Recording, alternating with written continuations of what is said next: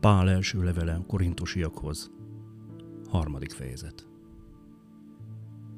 Én tehát, testvéreim, nem szólhattam hozzátok úgy, mint lelki emberekhez, hanem csak úgy, mint testiekhez, mint Krisztusban kiskorúakhoz. Tejjel tápláltalak titeket, nem kemény eledellel, mert még nem bírtátok volna el. Sőt, még most sem bírjátok el, mert még testiek vagytok.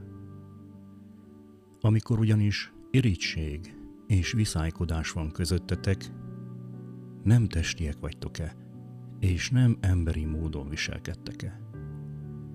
Ha az egyik ezt mondja, én Pálé vagyok, a másik pedig azt, én Apollósé, nem emberi módon beszéltek-e. Hát ki az az Apollós, és ki az a Pál? Szolgák csupán, akik által hívők élettetek, mégpedig ki-ki úgy szolgál, ahogy megadta neki az Úr. Én ültettem, Apollós öntözött, de Isten adta a növekedést. Úgyhogy az sem számít, aki ültet, az sem, aki öntöz, hanem csak Isten, aki a növekedést adja. Aki ültet és aki öntöz, egyek, és mindegyik a maga jutalmát kapja majd fáradozásához méltóan. Mert mi Isten szolgálatában állunk, ti pedig Isten szántóföldje, Isten épülete vagytok.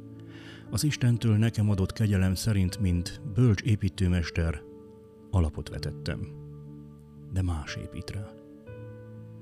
Vigyázzon azonban mindenki, hogyan épít rá.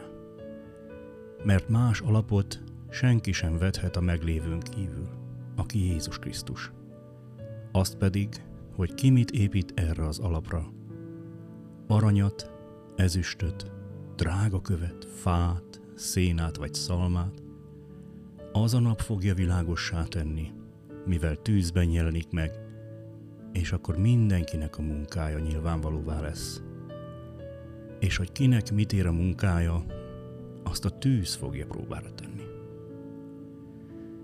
Ha valakinek a munkája, amelyet ráépített, megmarad, jutalmat fog kapni. De ha valakinek a munkája megég, kárt val. Ő maga megmenekül ugyan, de úgy, mint aki tűzön ment át. Nem tudjátok, hogy ti Isten temploma vagytok, és az Isten lelke bennetek lakik.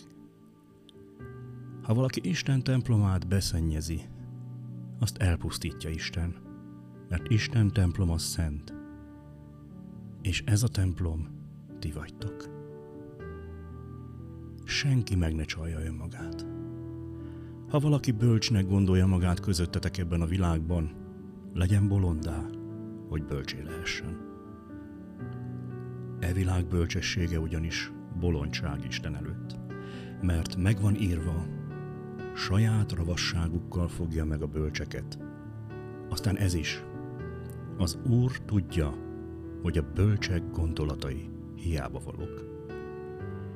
Azért senki ne dicsekedjék emberekkel, mert minden a tietek. Akár Pál, akár Apollós, akár Kéfás, akár a világ, akár az élet, akár a halál, akár a jelenvalók, akár az eljövendők. Minden a tietek. Ti viszont Krisztuséi vagytok. Krisztus pedig Istené.